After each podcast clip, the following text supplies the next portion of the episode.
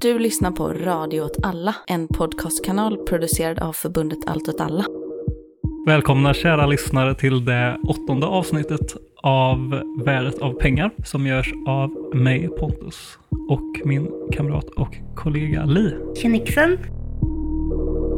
Detta avsnittet kommer handla om eh, pensionssystemet idag och historiskt och eh, vilken roll som pensionssystemet också har fyllt för ekonomin och eh, idag kanske spekulationen i samhället mer generellt. Eh, men vi eh, ska göra vårt bästa för att eh, ni ska älska pensionen. Man kan ju tänka att eh, eftersom att vi har haft sommaruppehåll nu i några månader att det här skulle vara ett eh, otroligt genomarbetat avsnitt. Men man kan ju brasklappa då att du fick ju barn i början av sommaren. ja, det stämmer. Jag har varit eh, extremt offline. Det är också därför vi har haft en liten paus. Men nu är vi tillbaka. Nu är vi tillbaka. Och eh, vi vill som vanligt innan vi sätter igång tacka de som hjälper oss och gör det här möjligt. Till exempel våran utmärkta producent, klippare Kalle. Och skaparen av våran fina jingel som heter Felix Wickman. Mm. Eftersom att pensioner inte är varken ditt eller mitt specialområde så som vanligt har vi ju läst på och försökt inhämta kunskap från Ja. andra då som har forskat på olika delar av det här och då ska jag namedroppa några. Gör det. Till exempel Gunnar Olofsson som har skrivit om det svenska pensionssystemet Historia, struktur och konflikter heter den. Jag har också läst eh, lite artiklar av eh, Karl Loxbo och en av Agneta Kruse och Ann-Charlotte Stålberg och sen några artiklar av Per-Gunnar Edelbalk som har skrivit en del om till exempel Gustav Möllers roll i pensionsreformerna och sådär. Vi kommer ju såklart inte hinna gå in på alla detaljer här Nej. och alla spännande juicy konflikter inom partier och sådär som jag har eh, fastnat ganska mycket i när jag läst men ja, Och jag skulle vilja då eh, på förhand eh, citera eh, Claes Belfrage och Magnus Rynér tillsammans med exempelvis Marcus Kallifatides och lite dylika forskare som har skrivit mycket artiklar och har en ganska gedigen eh, forskning och produktion kring eh, ämnen som eh, liksom produktionen och pensionssystemets roll i relation till produktionen och Mm. också finansialisering som ämne som är också ett ämne som jag har skrivit om tidigare eh, själv, men som också som jag, ett intresse som jag delar med de här författarna som jag har eh, upp. Så jag går tillbaka lite till eh, artiklar som var viktiga för mig i en tidigare... i din ungdom. I min, ungdom, I min ungdom. Ja, så shout-out till alla eminenta forskare. Ja.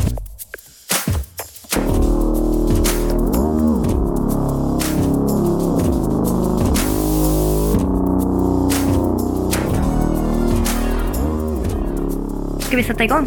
Ja, kanske bara. Har någonting hänt i ekonomin som du vill ta upp? Känner du något spontant? Vi har inte förberett detta. Det roliga är att när du sa så, det första jag kom att tänka på var att eh, Britney Spears ska skiljas från sin man. Det var den första Jag nyheten visste inte att hon att tänka hade en. Jo, Okej. eh, det har ingenting med ekonomi, eller det har väl det har med hennes privatekonomi att göra. Eh, eftersom att de, Vem, hon- vem har hon varit gift med? han, vad heter han? Asghari, Sam, Hassam kanske, Okej, Asghari. tråkigt för dem. Han är modell kanske. De har varit gifta i sex år. Alltså, Mhm. Jaha, okej. ja. Om jag ska nämna någonting så är det att uh, Fire-festivalen kommer tillbaka. Känner du till den? Nej. Det stavas F-I-R-E.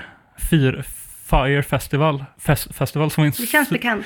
För det var ju ett, ett sånt jävla praktfiasko, ett sånt monument Ja, över det. 10-talet som ledde till att alla inblandade typ dömdes till fängelse för bedrägeri. Det var så här, alla tech-entreprenörer, alla miljardärer, alla influencers skulle samlas på någon, någon lyxö i mexikanska golfen och ha en sån jävla VIP-upplevelse. Och när de kom dit så var det liksom som att de hade hamnat på en flykt, flyktingförläggning i Jemen. Typ. Alltså det var, det var misär. Folk svälte ihjäl. Typ. Folk grät, skrek, längtade hem. Men det var i alla fall ett fiasko. Och det var, eh, det var en peak på, en peak på hela den typ entreprenör och influencerkulturen nästan som rådde under 10-talet. Men nu kör de igen. Samma personer. Det släpptes, det är rykande färskt. Det släpptes Sugen idag. man är på att gå. ja.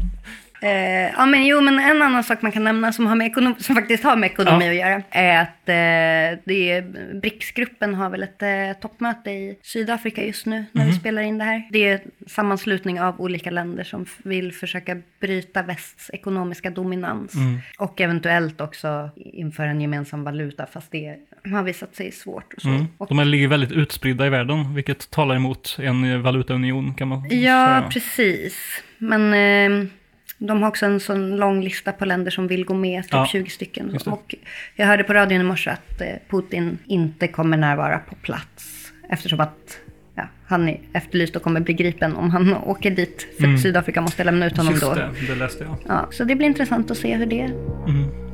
Utvecklar sig. Nog om det. Ja. Nu eh, kör vi.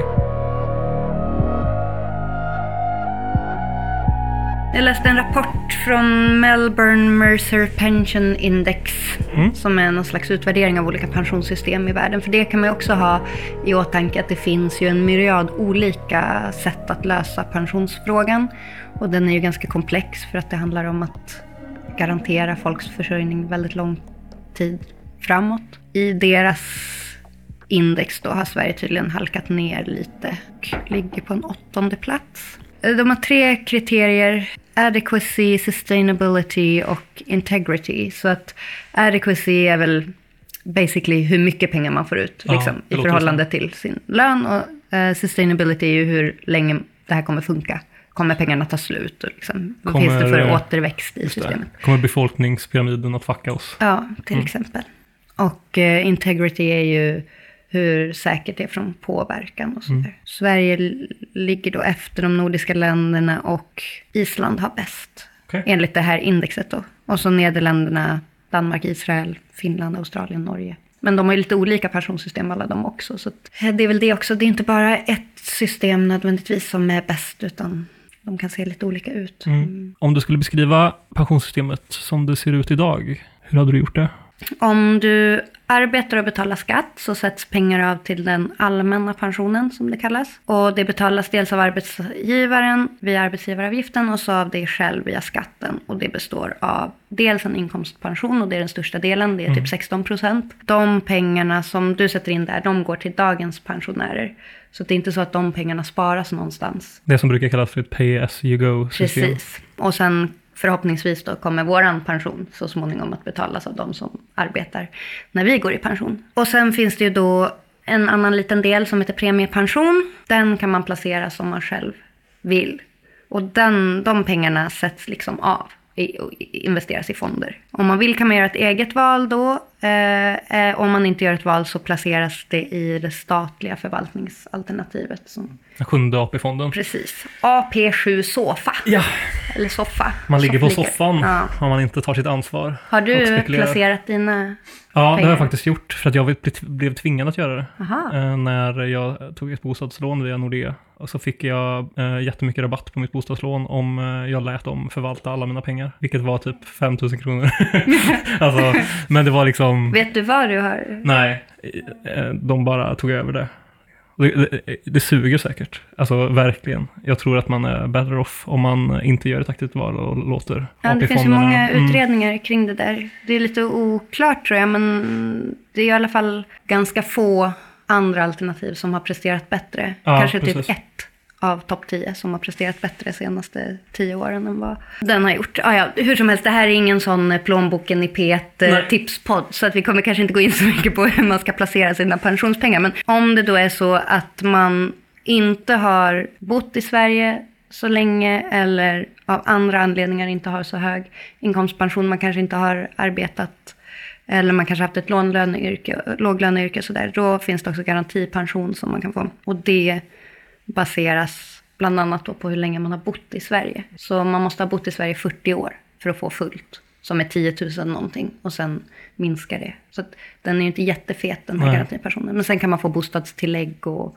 andra tillägg Och en också. eh, oproportionerligt stor andel av de som har det är kvinnor som inte har varit aktiva i arbetslivet. Ja, så det är liksom den allmänna pensionen. Ja. Och sen finns det en annan pelare i den här pensionssystemet som kallas tjänstepension. Det har ju ungefär 9 av 10 anställda idag. Det betalas av arbetsgivaren och brukar vara avtalat i kollektivavtal eller ibland kan man ha andra avtal med sin arbetsgivare. Om man jobbar inom kommun, stat eller region så finns det alltid via avtalen. Så, så vi har ju det Ja. till exempel. Där kan man också göra lite egna val, hur det ska förvaltas ibland och olika skydd, om man vill ha efterlevande skydd eller inte, sådana där Mm. grejer. Har du gjort några egna val när det gäller din tjänstepension? Äh, nej, som sagt så har jag bara Sålt dig själv till Ja, Nordea? ja, jag har sålt mig själv till Nordea. Men det är också en stor förändring mot hur det var tidigare. Ja. Alltså, vi kommer prata om mycket i den podden. För att det, alla de här systemen konkurrensutsattes ju på 90-talet. Mm. Så väl, väldigt liten andel av ens pension som eh, nu för tiden är låst och bortom din kontroll. Utan Mm. det kräver, nej det kräver inte men det uppmuntras väldigt aktivt till att man själv ska vara sin egen förvaltare på något sätt. Liksom, av av sin pension. Sin egen lyckas smed. Ja. Mm. Och apropå det så är ju den tredje delen av pensionssystemet då, som man brukar räkna in i det, är det privata pensionssparandet som är helt frivilligt. Ja, ibland brukar ju den premiepensionen kallas för det tredje benet, men det är en sån himla liten del. Det är väl bara 2,5 procent Ja. av den allmänna pensionen. Alla räknar väl kallt med att folk ska förvalta sitt eh, ISK-konto som en bebis för att de ska ha någon pension värd att kalla Eller pension. köpa ett jättedyrt hus Ja, just det. och sen sälja det när man blir gammal så man har något att leva av. Just det. Det finns många, många vägar. Många metoder. Mm. Onlyfans. Onlyfans kan man ju börja med när man går i pension, Mm. Som Linda Skugge höll jag på att säga, men det var att hon så gammal är hon faktiskt inte. Hur som helst, ska vi börja från början? Ska vi försöka prata om hur det här pensionssystemet har vuxit fram och de olika förändringarna som har ägt rum? Jag tänker att det finns egentligen ehm, kanske fem tillfällen i pensionernas historia som är relevanta att fokusera på under 1900-talets gång. Men om vi börjar från början. Då är det alltså i år, i maj i år, var det 110 år sedan riksdagen för första gången beslutade om att införa en allmän pensionsförsäkring. 1913 alltså. Och då hade det gått nästan 30 år av debatter och utredningar sen det som brukar betecknas som första gången den här frågan lyftes på allvar i riksdagen ägde rum. Och det var liberalen Adolf Hedin som föreslog tillsättandet av en utredning hur man skulle kunna införa en olycksfalls och ålderdomsförsäkring för arbetare. Det här då i en tid, slutet på 1800-talet och sen ännu mer början på 1900-talet är ju en tid där dels fackföreningsrörelsen börjar få starkare fäste. Man börjar också, jag menar, eh, Adolf Hedin var en liberal som stod ganska långt till vänster för att vara liberal, men som också var orolig för socialismens eh, framfart i Europa. Så det här var ju också ett sätt att försöka stävja den, lite som Bismarck i Tyskland. Och det var också övergången väldigt mycket till alltså väldigt stark urbanisering under den här tiden. Och man kanske kan tänka att det var något skifte mellan när människor kom undan med att vara beroende på liksom, de egna sociala banden och när liksom, industrisamhället krävde någon form av eh, något socialt skyddsnät som var utanför liksom, familjen. Precis, och fattigvården hade blivit allt mer belastad, också till följd av ökad befolkningsstorlek och sådär. Så det fanns olika argument för någon typ av pensionssystem och det var i princip alla i, överens om, oavsett partitillhörighet. Sen fanns det ju lite olika idéer om hur man skulle införa det här. Då. I de diskussioner och förslag som hade funnits med i bilden då, under de här 30 åren av diskussioner så fanns det egentligen fem alternativa huvudmodeller. Men en sak som också hade betydelse här i början av 1900-talet var att man införde en progressiv inkomstbeskattning i början av 1900-talet och då också eh, inkomsttaxering och sådär. Så det bidrog till att man nu kunde lägga till pensionsavgifter och så i samband med skatteuttaget, vilket då ledde till en sista och den slutgiltiga modellen som till sist blev. Det var då en slags allmän pensionsförsäkring som omfattade i allt väsentligt hela folket. Och så länge man var oförmögen till arbete på grund av invaliditet eller hade uppnått 67 års ålder så hade man rätt till den här pensionen. Och den var indelad i två delar. Dels att man då betalade in avgifter till försäkringen under 50 års tid mellan man var 16 och 66 år. För de som inte hade någon inkomst, de skulle betala 3 kronor per år och de som hade inkomst, de fick maximalt betala 13 kronor per år. Då. Sen var pensionens storlek relaterad då till värdet av inbetalda avgifter. De statligt anställda var undantagna, de stod utanför det här för de hade ett eget pensionssystem, men annars gällde det här för alla. Och det här byggde ju då på en 50-årig övergångsperiod, för att här har vi alltså ett system som bygger på att man betalar in pengar och sen får man tillbaka de pengarna. Ett slags sparande nästan kan man säga. Eller det betyder att man måste bygga upp den här basen av pengar först. Så att man tänkte sig att först i mitten av 60-talet skulle systemet fungera fullt ut. Det var i princip en enig riksdag som mm. fattade beslut om det här. Men det fanns också kritik. Socialdemokraternas vänsterflygel tyckte att försäkringen gav alldeles för små pensioner. Och sen fanns såklart också kritik mot att män skulle ha högre pension, mot att arbetsgivarna slapp betala avgifter. Där var argumentet. Men den största invändningen mot införandet av det här hade kärnan i något som kallades för CSA, Centralförbundet för socialt arbete. Nu kommer vi in på det här med välgörenhet. De var socialliberala och de betraktade fattigdomens avskaffande som ett uppfostringsproblem. Så de ansåg att pensionen borde finansieras med avgifter och vara försäkringsmässig för att det innebar en ansvarskänsla och egenavgifter motsatsen till välgörenhet. De inledde en ganska häftig kampanj med artiklar, en stor konferens och så vidare för att påverka den allmänna opinionen. Och måltavlan här var tilläggspensionen och argumentet var att det skulle påverka arbetsviljan och sparsamheten och folk skulle vänja sig vid understöd utan motprestation om man hade en sån tilläggspension. Dessutom skulle ovärdiga få pension. Det. Till det räknade man alkoholister och försumliga familjeförsörjare. Den här kampanjen ledde faktiskt till att de fick in den aspekten av det i pensionskraven. Så att om man förde ett socialt avvikande levnadssätt om man hade druckit mycket alkohol till exempel. Då hade man inte rätt till pension. Överhuvudtaget eller tilläggspensionen? Nej, överhuvudtaget. Alltså man eh, blev liksom fråntagen sin pensionsrätt om man var hemfallen åt dryckenskap i för stor utsträckning. Och det där fanns kvar ganska länge i pensionssystemet. Man kan ju säga då att rent materiellt så kanske den här pensionsreformen inte hade så jättestor betydelse, framförallt inte i början då. Det var en ganska liten andel av en genomsnittlig arbetares lön som man fick ut. Men däremot så en ganska en, en liksom historiskt viktig aspekt av det här är att man för första gången kanske i svensk socialpolitik fick en inkomstöverföring till fattiga och omedbemedlade grupper som inte medförde en inskränkning i de medborgerliga rättigheterna. För tidigare om man försörjdes via fattighjälp så innebar det en förlust av rösträtten. Och det var ett uttryck för skräck i den liberala ideologin att staten skulle kunna missbrukas av fattiga som en utpressning utpressningsmekanism mot de välbeställda. Typ. Så bara de som var ekonomiskt självständiga skulle ha del i statens och kommunens affärer och så vidare. Men mm. här, i det här fallet så fick man ju då tillgång till en pension utan att det påverkade ens inflytande. Sen tänker jag att en annan sak som är ganska intressant med det här pensionssystemet i Sverige är att det kom först. Alltså i den tyska socialförsäkringen på 1880-talet införde man ju först en sjukförsäkring och sen kom pensionsförsäkringen och så. Den, det sättet att göra det på är ju mer logiskt. För att här i Sverige så börjar man bygga den först med en pensionsförsäkring. Och så innehöll då pensionsförsäkringen en invaliditetsförsäkring. Alltså en slags förtidspension. Men innan man införde en sån så kan man ju tycka att man borde börja med att liksom försöka stävja sjukdomarna, ja, ta hand om kortare sjukfall och så vidare. Ehm, det man däremot gjorde var att man i den här invaliditeten, man införde invaliditetsförebyggande verksamhet som gick ut på att pensionsstyrelsen ägde olika kurorter runt om i landet. Man fokuserade Aha. framförallt på reumatiska sjukdomar och det man kallade för neuroser med gränsfall. Okay. och de hade liksom på Tranås vattenkuranstalt, Nynäs kuranstalt, Åres fjällkuranstalt och sådär. Okej, okay, så man åkte på rehab helt enkelt? Ja, ja. som pensionssystemet då mm. kunde stå för. Det är intressant och det ligger också i linje med också hur det var senare. Alltså pensionssystemet i Sverige under hela 1900-talet var också som en typ av eh, utgångspunkt för övriga välfärdsstaten, eller den politiska ekonomin kanske i allmänhet, att utformningen av pensionssystemet har varit så himla vägledande för också hur alla andra socialförsäkringar och eh, välfärdssystem har liksom byggts upp mm. i eh, runt omkring det eller kanske på det eller i anslutning till det. Sådär. För att det här avsnittet inte ska bli 110 år långt så kan vi hoppa lite i, i tid. Så på 40-talet så kände man att det behövdes nya reformer igen. Mm.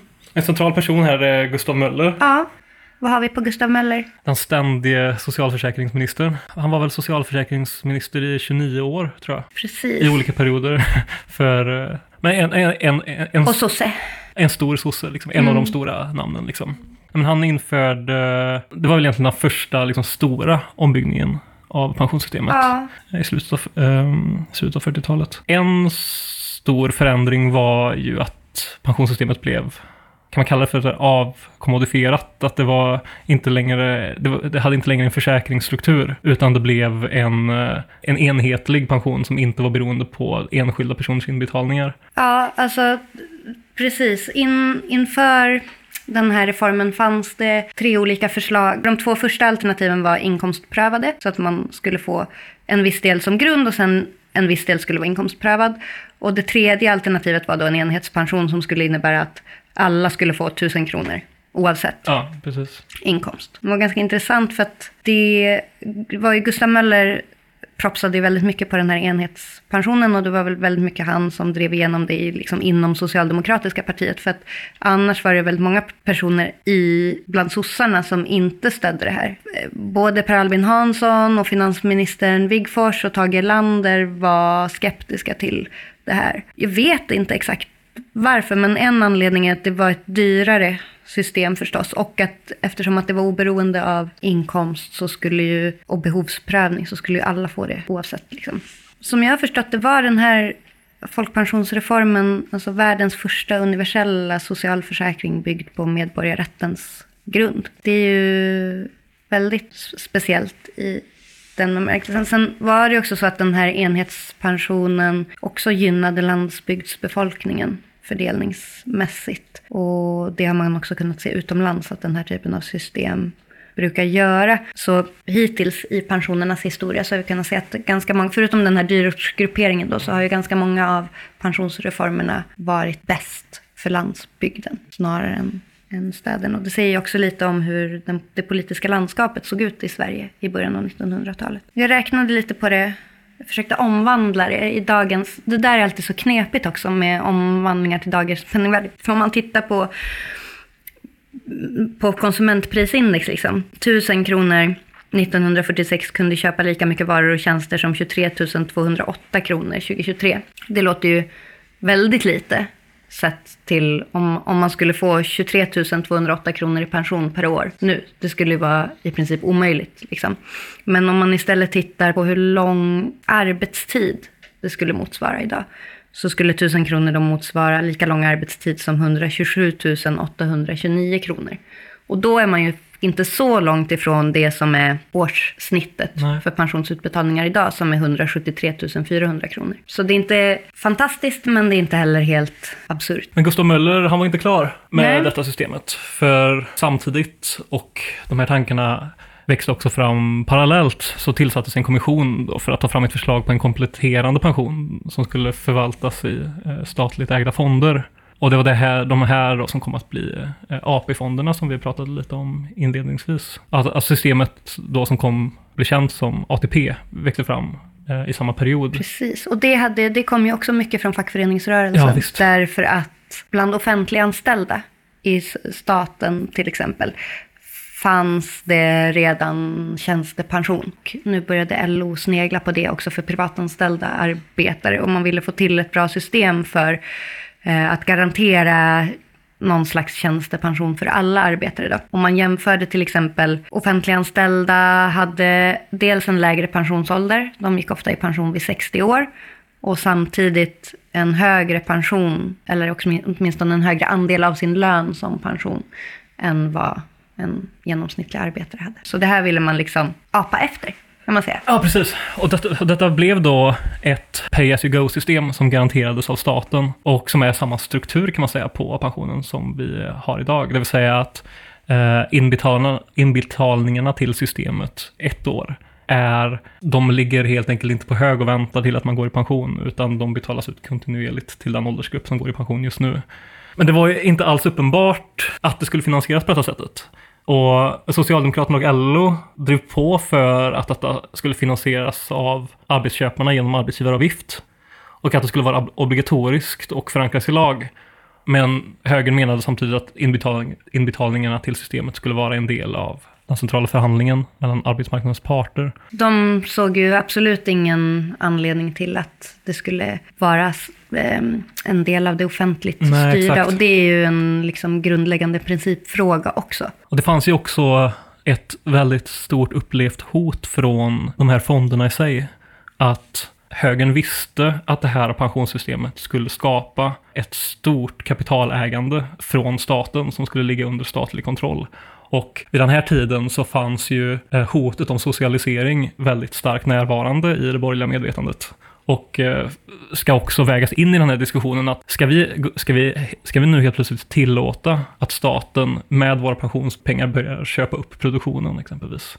Och det var inte heller um, bara att de såg spöken, utan det var också en hel del socialdemokrater som önskade att pensionsfonderna skulle användas för att ändra ägandeförhållanden i näringslivet. Mm. Sen i praktiken kom det inte riktigt att bli så, det kommer vi kanske tillbaka till. Men man kan säga också att den här reformen då av pensionssystemet på 50-talet, det var en ganska utdragen politisk process. Där det stod mellan de här olika alternativen då. Sossarna, LO och TCO hade sitt alternativ. SAF, alltså Svenska Arbetsgivareföreningen, Högern och Folkpartiet hade då den här frivilliga eh, vägen. Och Bondeförbundet hade också sitt eget alternativ. Och dels eh, utlyste man en folkomröstning om det här. Där Socialdemokraternas förslag fick flest röster men ingen klar majoritet. Så då blev det också en diskussion hur man skulle tolka det resultatet. Och sen utlyste man också extraval. Eh, och så höll man på och efter det här extravalet blev det ändå dödläge i riksdagen, 115 mot 115. Så det hela avgjordes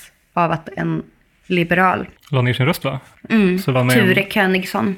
Och det var ändå strångt. Han, han jobbade på varv tror jag. Och han var så, jag kommer inte kunna se mina arbetskamrater i ögonen. Så istället blev han av med alla sina politiska uppdrag och svartlistad av Folkpartiet då för mm. att han hade svikit partilinjen. En jävla kung. Mm. Om man tänker då att det här ATP-systemet då, som det kommer att kallas, den allmänna tjänstepensionen, när den staplades på den universella och enhetliga nya versionen av folkpension så nådde ersättningsnivåerna upp till 65 procent av en genomsnittlig arbetarlön. Och den baserades då, utbetalningarna baserades på den lönen man hade haft eh, under de 15 mest eller högst avlönade åren i ens eh, yrkesverksamma liv. Eh, och så krävdes det 30 års då arbetslivsdeltagande för att det skulle generera full ersättning. Och de första riktiga utbetalningarna kom väl i slutet av 70-talet när folk verkligen fick ut maximalt ur det här systemet. Då. Det kan man ju säga också att den här strukturen, att det baseras på de 15 eh, mest välbetalda åren, det har ju en inneboende tendens att premiera eh, högutbildade. Så tillvida att högutbildade oftare har en brantare eh, lönekurva. Mm. Så om du då har 15 år där du har haft en väldigt brant löneutveckling så kommer du tjäna mer på det än om du har haft en ganska långsam löneutveckling och arbetat längre tid. Vilket också blev en anledning till missnöje mot det här systemet så småningom. Om man ska säga någonting om, för det här systemet kom att få en väldigt stor roll för den eh, makroekonomiska politiken i Sverige under efterkrigstiden. AP-fonderna, som alla de här pengarna kanaliserades in i, blev gigantiska och stora delar av den keynesianistiska politik som Socialdemokraterna förde, som på många sätt har bedömts som liksom den definierande egenskapen för Socialdemokraternas efterkrigsdecennium. Så pensionssystemet var basen för det här, för att de här pengarna användes inte bara till pensionsutbetalningar utan genom hur de investerades så kunde de styras ganska aktivt för att främja olika typer av industriella utvecklingar som man ansåg vara önskvärda. Och också kunde investeras kontracykliskt, vilket man säger är inom ett keynesianistiskt ramverk så är det en stats uppgift kan man säga att eh, driva på med investeringar i perioder av lågkonjunktur och hålla tillbaka ekonomin när det gick dåligt. Just det, vi pratade lite om det här i förra avsnittet när Gustav var med också. Ja.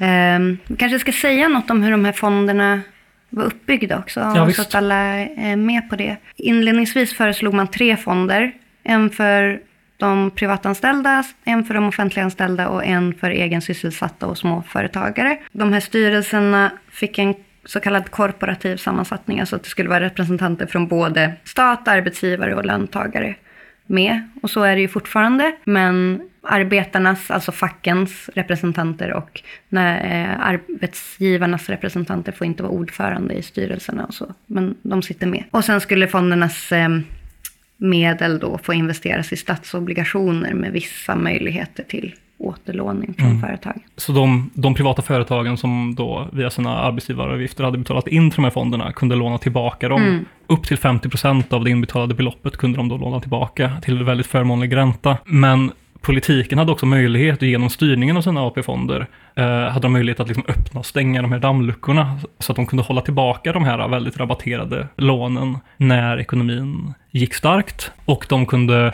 öppna dammluckorna och Eh, sätta räntan till väldigt lågt på de här lånen när det var lågkonjunktur. I ett i alla fall försök att styra hur mycket den privata sektorn faktiskt investerade genom att tillhandahålla billigt kapital. Här kan man ju se lite det som ibland kallas för den så historiska överenskommelsen mellan arbete och kapital i Sverige, som folk ibland kallar det. Att så här, Socialdemokraterna, även fast de var ett uttalat socialistiskt parti under hela, i alla fall första halvan av 1900-talet, så gjorde de aldrig något seriöst försök att socialisera produktionen och införa socialism på riktigt, Nej. utan de använde hela tiden det latenta hotet av att de kanske kunde göra det och utvecklingen i östblocket som ett hot som hängde över näringslivet. De kunde få igenom, de kunde bygga ut en väldigt stor välfärdsstat, de kunde komma undan med väldigt mycket saker genom löftet att de aldrig skulle ta det steget. Och AP-fonderna var så känsliga för att de balanserade hela tiden. Visst, de fick bara investera i obligationer, de fick inte köpa aktier i företag. Det lyftes sen senare.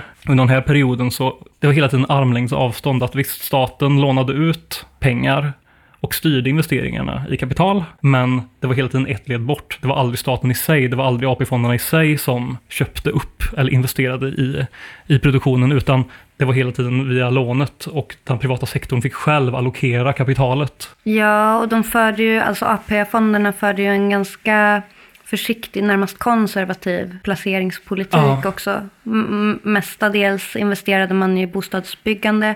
Återigen, apropå förra avsnittet, till exempel i miljonprogrammet ja. och så vidare. Precis, det finansierades på det sättet eh, genom de här billiga lånen som vi just nämnde. Mm, så att sen i LOs strategi för den ekonomiska och arbetsmarknadsmässiga utvecklingen så tänkte man sig att de här fonderna skulle komplettera den aktiva arbetsmarknadspolitiken, anskaffa kapital till näringslivets omvandling och så. Men så blev det ju aldrig i praktiken utan det fanns ganska stora möjligheter att göra ganska stora grejer med de här fonderna som aldrig riktigt införlivades.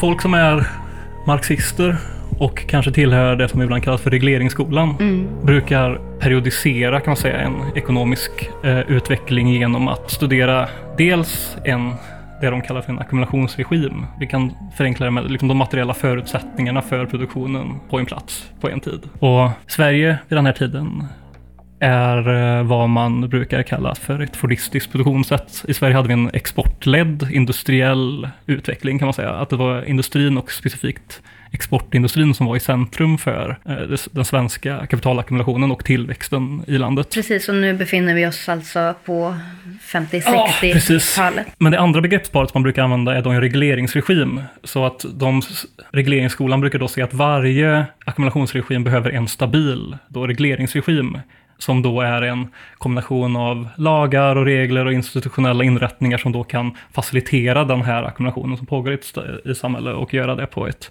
stabilt sätt. Mm. Och pensionssystemet kan man verkligen se på detta sättet, att den fyllde, det fyllde dels de funktionerna som vi har nämnt, det, det, det, var en kanal genom vilken staten då kan, kunde styra vart det investerades, hur mycket det investerades och åt vilket håll man lät eh, investeringarna flöda. Och man kunde, man kunde öppna de dammluckorna, man kunde stänga dem beroende på vilken aktivitet man ville ha. Men det passade också in i det som var Rhein-Meidner-modellen vid den här tiden, som, som mer eller mindre kretsade runt industriell utslagning, att man ville driva en strukturomvandling mot mer och mer produktiv industri genom att låta en solidarisk lönesättning successivt trappas upp och slå, slå undan då improduktiv industri eh, på något lite darwinistiskt sätt kanske. Men det här gjorde också att de företagen som faktiskt kom undan, som klarade av den solidariska lönesättningen, som faktiskt lyckades effektiviseras och hade en väldigt hög produktivitetsutveckling, gjorde extremt höga vinster. Så det blev en tendens av industriell utslagning, men de produktiva industrierna gjorde enorma vinster under den här perioden, mm. vilket var väldigt lönedrivande. Och även här kan man se pensionssystemet eh, som en viktig roll, som att den här uppskjutna lönen som man kanske kan se det som. Det, det lagliga tvånget på de här ganska stora pensionsutsättningarna fungerade också vinståtstramande. och höll också tillbaka inflationspressen i den här industrin under, när, när ekonomin gick på högtryck. Så att han fungerade liksom dubbelt. Så han var en Mm. ganska viktig nod i den kombinationen av eh, lagar och institutioner som kontrollerade hur industriproduktionen och tillväxten såg ut i Sverige eh, under den här tiden. Man kan ju också säga det att det är ju två viktiga grundstenar i, den här, eh, i det här pensions, ATP-pensionssystemet.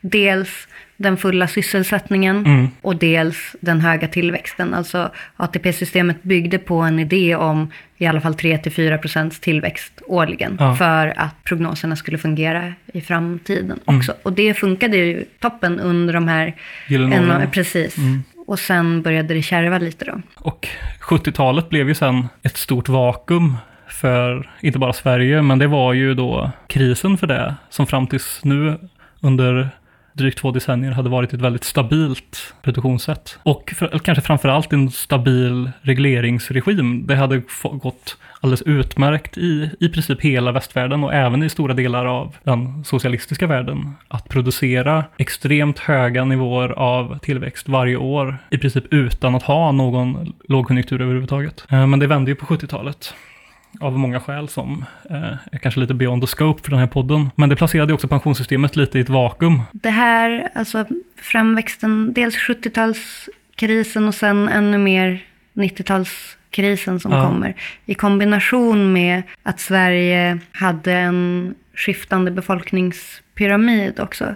Där de äldre blev allt fler och Mm. de yngre allt färre. 1990 var 18 procent av befolkningen 65 år eller äldre och det innebar att Sverige var ett av världens äldsta länder, som man brukar säga. Det här tillsammans innebar att antalet år fonderna kunde finansiera pensioner minskade. Mm. Liksom. Redan 1982 hade ATP-bidragen slutat täcka utgifterna och mellan 1982 och 1992 minskade antalet år då från 7,5 till 5,1 år. Så det var ju ett dränage i de här fonderna.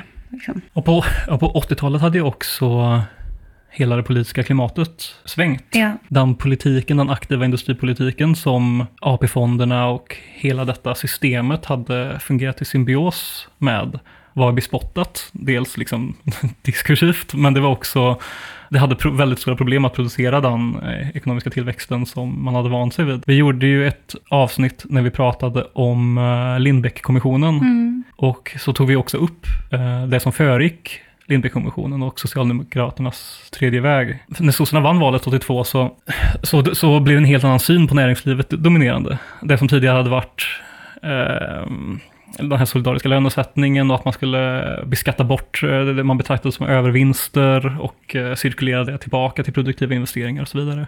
Eh, så gjorde man inte längre utan nu hade vi ju en, en tillväxt som skulle vara vinstledd. Kronan devalverades med en, typ helt och hållet med syftet att bara boosta vinsterna i näringslivet som man sen tänkte att de skulle då sippra ner till övriga delar av ekonomin. Och det här skapade dels ett problem för att ATP-systemet var in, indexerat. Så att devalveringen av kronan i början av 80-talet eh, devalverade också pensionsersättningarna eh, som politiken sedan fick laga som ett lapptäcke när folk inte hade råd att köpa mat. Men också att finansmarknadens avreglering som kom där på 80-talet gjorde ju att tidigare hade AP-fonderna varit en väldigt central och viktig källa eh, till kapital för näringslivet. Men när finansmarknaderna avreglerades så blev APT-systemet, liksom, eller AP-fonderna blev utkonkurrerade som kapitalkälla. Näringslivet var inte längre intresserad av att ta del av de här lånen och det blev inte längre möjligt för staten att styra investeringarna på detta sättet via ATP-systemet. Så den, liksom den, den centrala rollen föll lite samman. Det var, det var inte heller önskat, för det var väldigt uttalat under 80-talet att sossarna skulle sluta med en aktiv industripolitik, utan det här skulle ju, genom att boosta vinsterna i näringslivet, genom att devalvera kronan, genom att göra alla kapitalister extremt rika, så skulle ju de kunna finansiera och allokera sitt eget kapital. Så under 80-talet så satt vi med ett pensionssystem vars liksom, makroekonomiska funktion helt enkelt eh, hade blivit passé.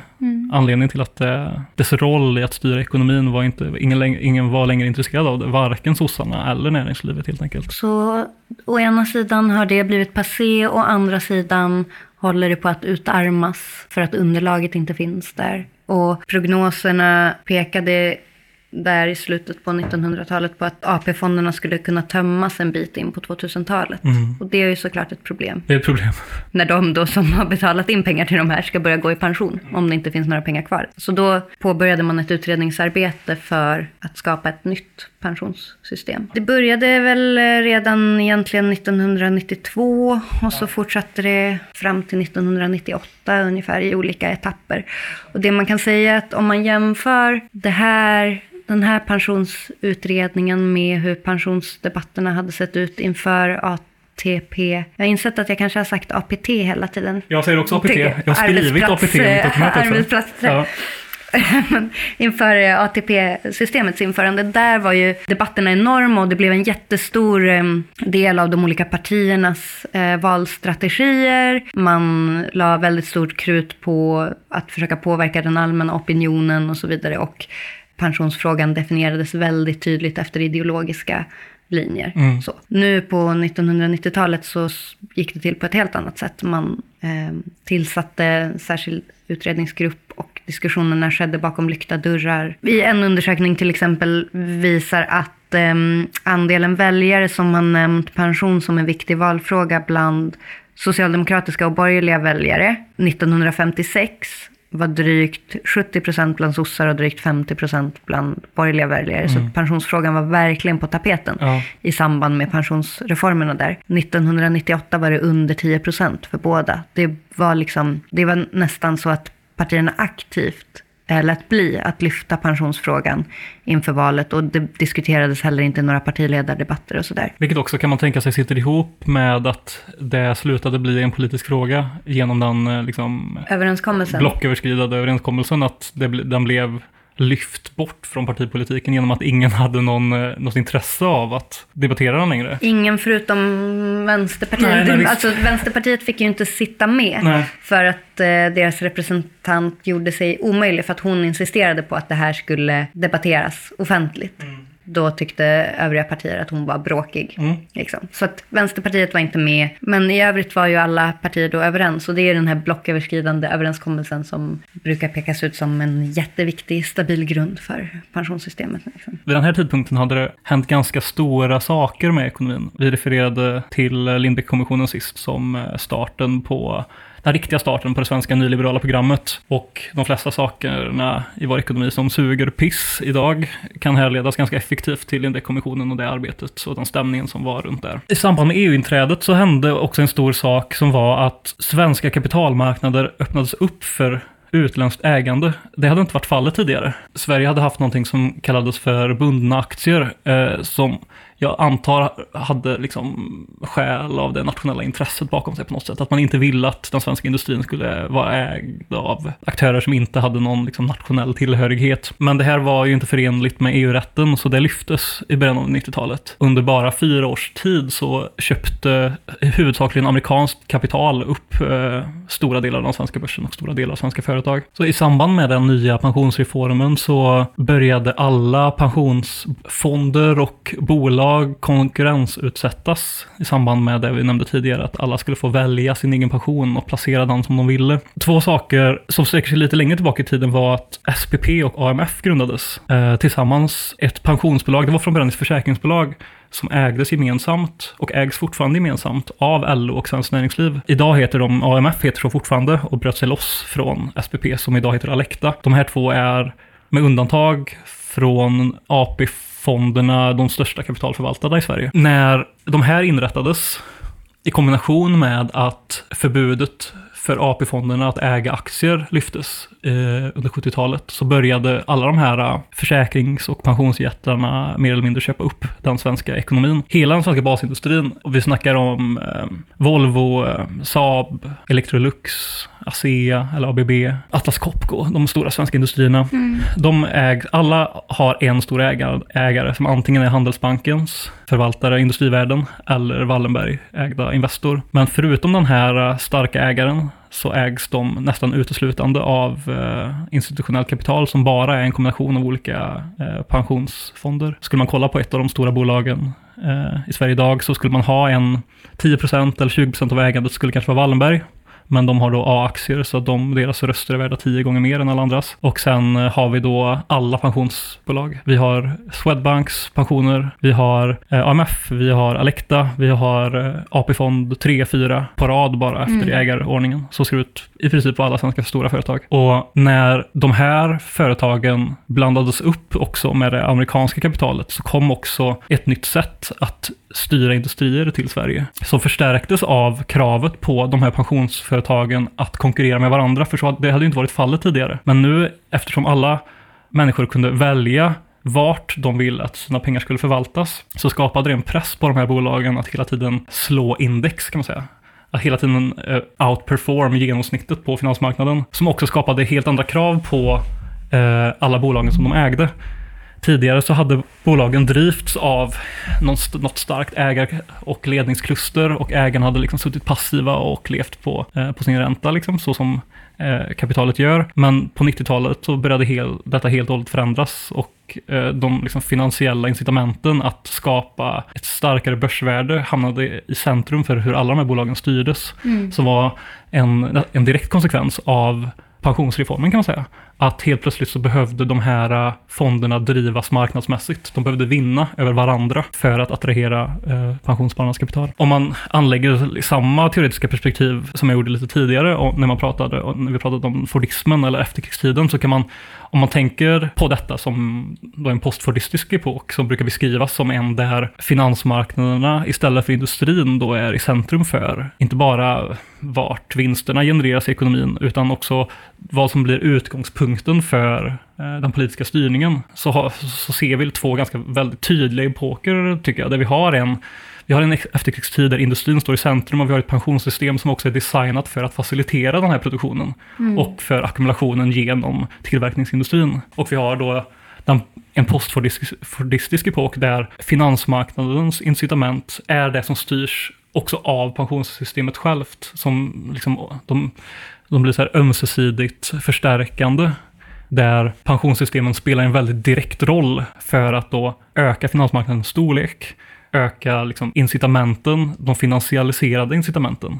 Och också att få med alla pensionssparare på tåget. För, för det finns ju ett väldigt starkt incitament av disciplinering här, eller uppfostran i det nya pensionssystemet. Att kravet på att alla ska välja, det finns inte någon riktigt rationell grund för varför folk ska göra det. För det är ingen som tror att Agda 68 ska förvalta sitt kapital bättre än något proffs på någon... På Sjunde AP-fonden. Nej, nej precis. Mm. Ingen, ingen tror det på riktigt liksom. Och så har det inte blivit heller. Nästan alla som har bytt och gjort ett aktivt val har förlorat stora delar av sin pension på grund av det. Men det var så starkt i tidsandan att dessutom 90-talet var ju dotcom-eran. Finansmarknaden växte och den var, den var på väg mot månen och alla, liksom, alla skulle med på det här. Varenda person skulle liksom låna pengar in på börsen, pensionspengarna in på börsen, ta, ta allt du äger och sätta upp det på börsen för den kommer fortsätta så här för evigt. Sälj liksom. din mormor in på börsen.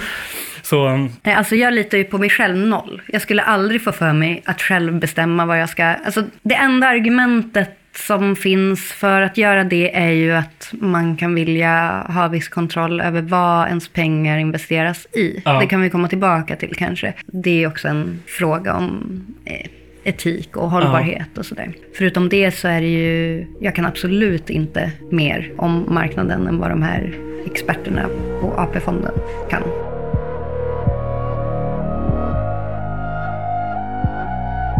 Det är ganska roligt att titta på vilka som sitter i styrelsen för AP-fonderna. berätta. De är ju ganska anonyma tänker jag för gemene man. Ja. De är inte så mycket ute och vevar i Nej. media och sådär. Men de är oerhört inflytelserika eftersom Verkligen. att de styr en sån betydande del Mm. av våra gemensamma pengar. Verkligen. Liksom. Eh, och då, som sagt, det är ju alltid någon representant från något fackförbund eller flera och sen från ar- arbetsgivare. Så, men sen är det också folk som verkligen är liksom styrelseledamot är deras jobb känns Mm. det som. Styrelseproffs. Ja, verkligen. Det är så. Mikael Boman, han är i andra AP-fonden då. Han Han är, som hatar cannabis. Kanske. Ja, jag inte, det har vi inte pratat om eh, off, on the record. Men jag sa det innan vi spelade in att jag satt och kollade på, eh, apropå det här också med vad eh, man investerar i, vad ens pensionspengar investeras i. Så har ju AP-fonderna åtminstone första till fjärde AP-fonden direktiv som säger att de ska investera hållbart och etiskt i någon mån. Och då finns det också listor på vad de inte ska investera i. Det är ganska begränsat, det är, inte, det är inte speciellt uttömmande listor, men för alla de här fonderna gäller till exempel att de inte investerar i kärnvapen. Och de investerar inte heller i tobak. Det, de här fonderna är ju alltså separata enheter kan man säga med varsin styrelse. Men de är ändå ganska konforma när det kommer till det här. Men andra AP-formen har också specifikt eh, skrivit ut att de inte investerar i någonting som har med cannabis att göra. Till skillnad från de andra fonderna. Då. De Så då- älskar cannabis. Ja, men då blir jag nyfiken på vem det är i andra AP-fondens eh, ledning eller styrelse eller etiska råd eller whatever som eh, hatar cannabis så mycket. Det är etiska rådet tror jag som har tagit fram en lista på 20 olika bolag som fonderna inte ska investera i. Och där är också en ganska st- stor andel eh, cannabisrelaterade och så finns det Walmart till exempel är med för, av arbetsrättsliga skäl. Men då undrar man också varför bara Walmart är med av arbetsrättsliga skäl och inte andra. Ja, det, är, Det är konstigt, visst det är, en, det är en dålig arbetsgivare men liksom ändå en eh, väldigt genomsnittlig amerikansk Ja, arbetsgivare. varför inte Amazon eller Ja. så det är lite oklart. Hur som helst, men då den här Mikael Boman som du då gissade kanske var den som hatade cannabis. Ja, han ser ut som någon som skulle kunna hata cannabis. Mm. Han, är, han är då marknadsekonom, han är också styrelseordförande i BAU samt har ett flertal styrelseuppdrag. Rickard Andersson är också styrelseledamot i Navigera Fonder och styr- styrelseordförande i Legimit AB. Alltså det, är bara en sån listor på olika styrelseuppdrag de har i olika sammanhang. En, en superparallell här. Ja, Eh, jag bara tänkte på att när du sa att han var marknadsekonom ja. Det brukar man ju inte ofta så, eh, så ofta säga, utan man säger att folk är nationalekonomer. Men då tänkte jag på att, jag har inte koll på detaljerna, men jag, det, jag tycker att det kittlar lite att tänka på att för ett par decennier sedan så, så fanns det liksom en uppdelning inom nationalekonomin där man var marknadsekonom eller så var man planekonom. Jag har en bekant vars far eh, var som forskare i ekonom eh, hela sitt liv och han var planekonom. Han forskade inte om marknader, utan han forskade om liksom, hur planekonomin skulle designas. Det tänker jag säger någonting också att man vill poängtera att man är marknadsekonom. Jag vet, det var därför jag reagerade på det. Här. Jag är ekonom, men jag, jag forskar om marknader, inte om planering. Det känns, idag är det få nationalekonomer som bemödar sig att göra den distinktionen. Det är som också Kristina Lindenius som är ordförande för tredje AP-fonden. Då. Alltså det här avsnittet ska inte bara bli att jag läser upp olika AP-fondstyrelseledamöters CV, men eh, det är också så. Hon är VD för Svensk Försäkring och försäkringsbranschens arbetsgivarorganisation. Hon är ansvarig för koncernen inom citationstecken, vet inte varför det är inom citationstecken, Svensk Försäkring i samverkan, styrelseordförande i Min pension i Sverige, Trafikförsäkringsföreningen, Svensk Försäkring Administration och Statens Servicecenter, styrelseledamot i FPK Försäkringsbranschens pensionskassa, ledamot för AMP samt ledamot i ICCs överstyrelse. Hon tjänar ju jättemycket pengar, men fan vad tråkigt hon måste det. Alltså, ärligt talat. Men det säger också någonting om hur betungande de här styrelseuppdragen är om man kan ha 40 samtidigt. Ja, och Kanske. alla är arvoderade med en miljon per år. Det är för sjukt. Men en sak som kan sägas är att under, under slutet på 90 och 2000-talet så växte ju med den här nya makten som eh, pensionsbolagen hade fått i den svenska ekonomin eh, så växte det fram ett maktkluster som också bildade en allians där AP-fonderna tillsammans med AMF, tillsammans med Alecta, tillsammans med Robur som är då Swedbanks eh, fonder, som bildade ett maktblock eh, som då bedrev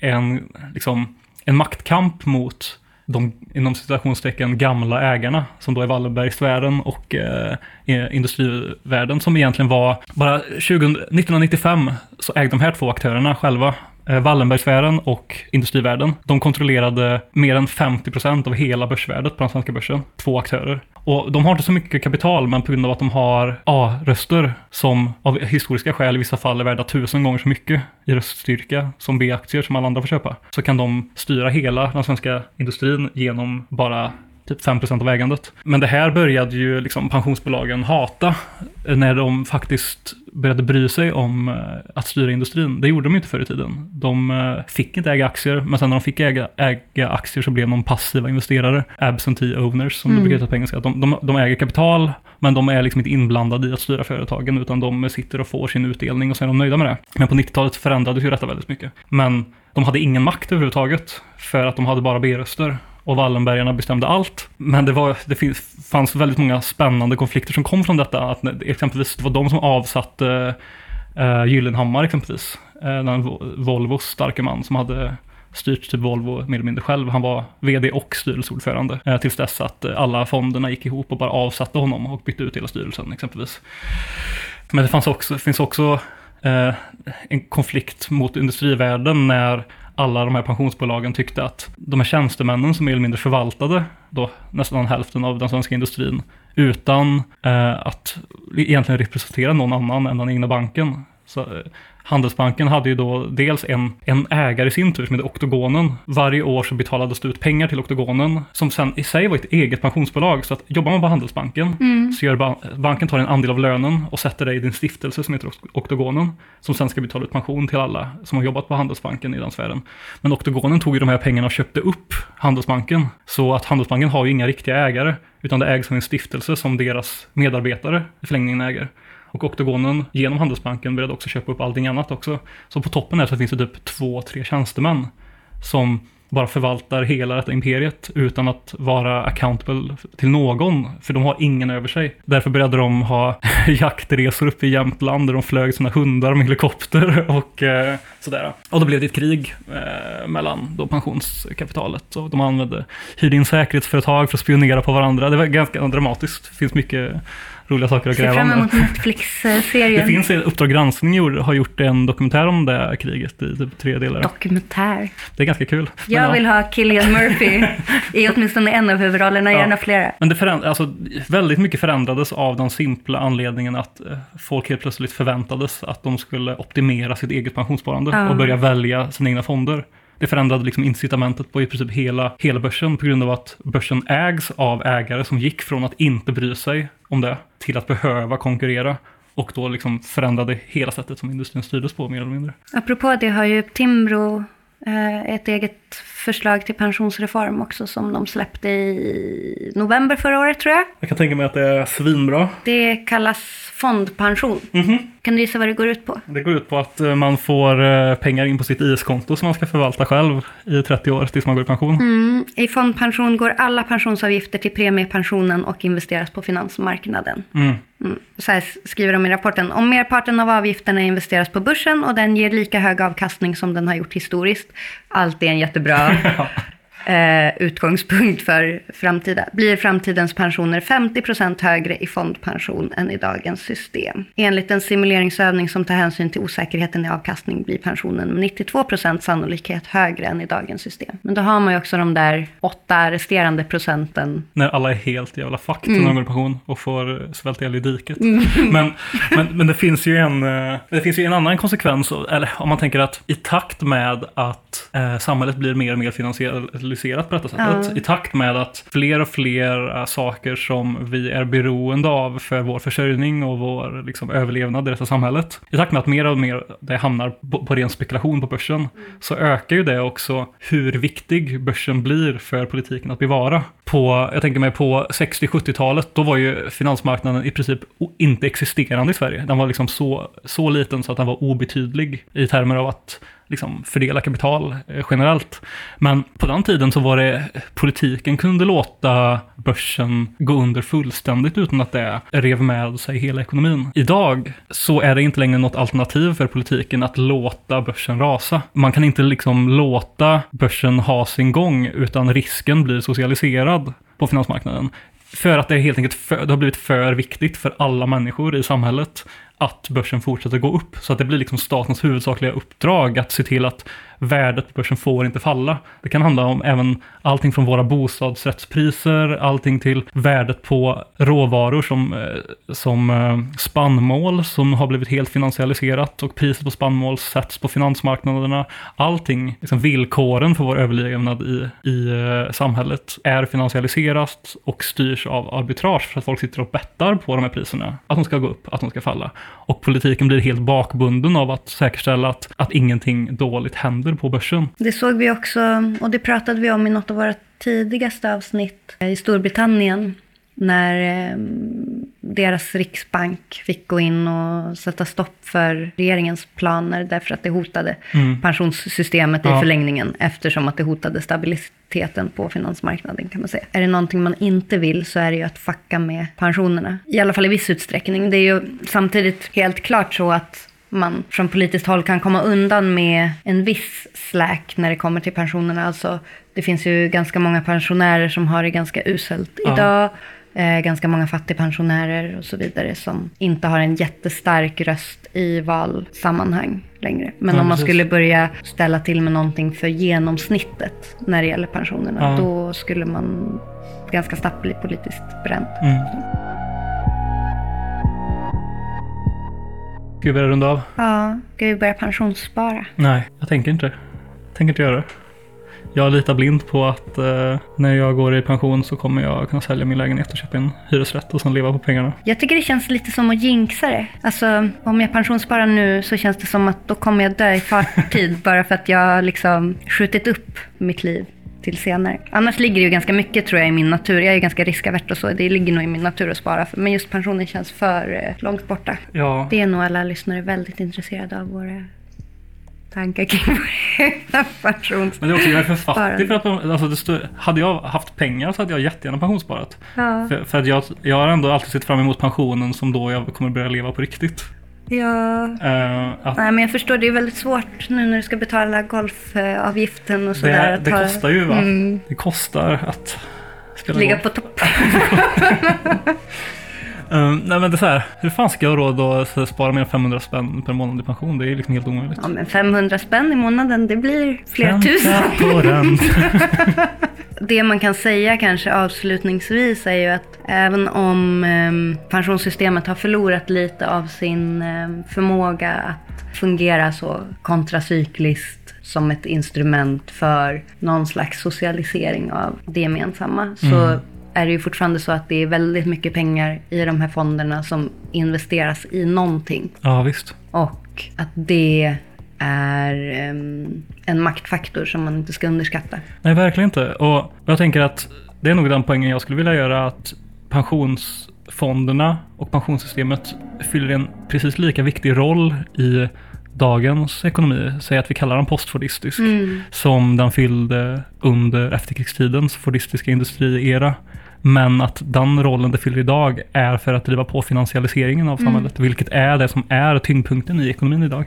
Det har blivit från ett verktyg för att facilitera industrins kapitalackumulation, så det har blivit ett verktyg för att facilitera finansialiseringen av detsamma. Och finansialiseringen av det gemensamma på något sätt, kan man säga. Bojkotta pensionerna Bojkotta pensionerna. Tack för idag, Tack. kära lyssnare. och ha det så bra. Ha det bra. Hej! Hej!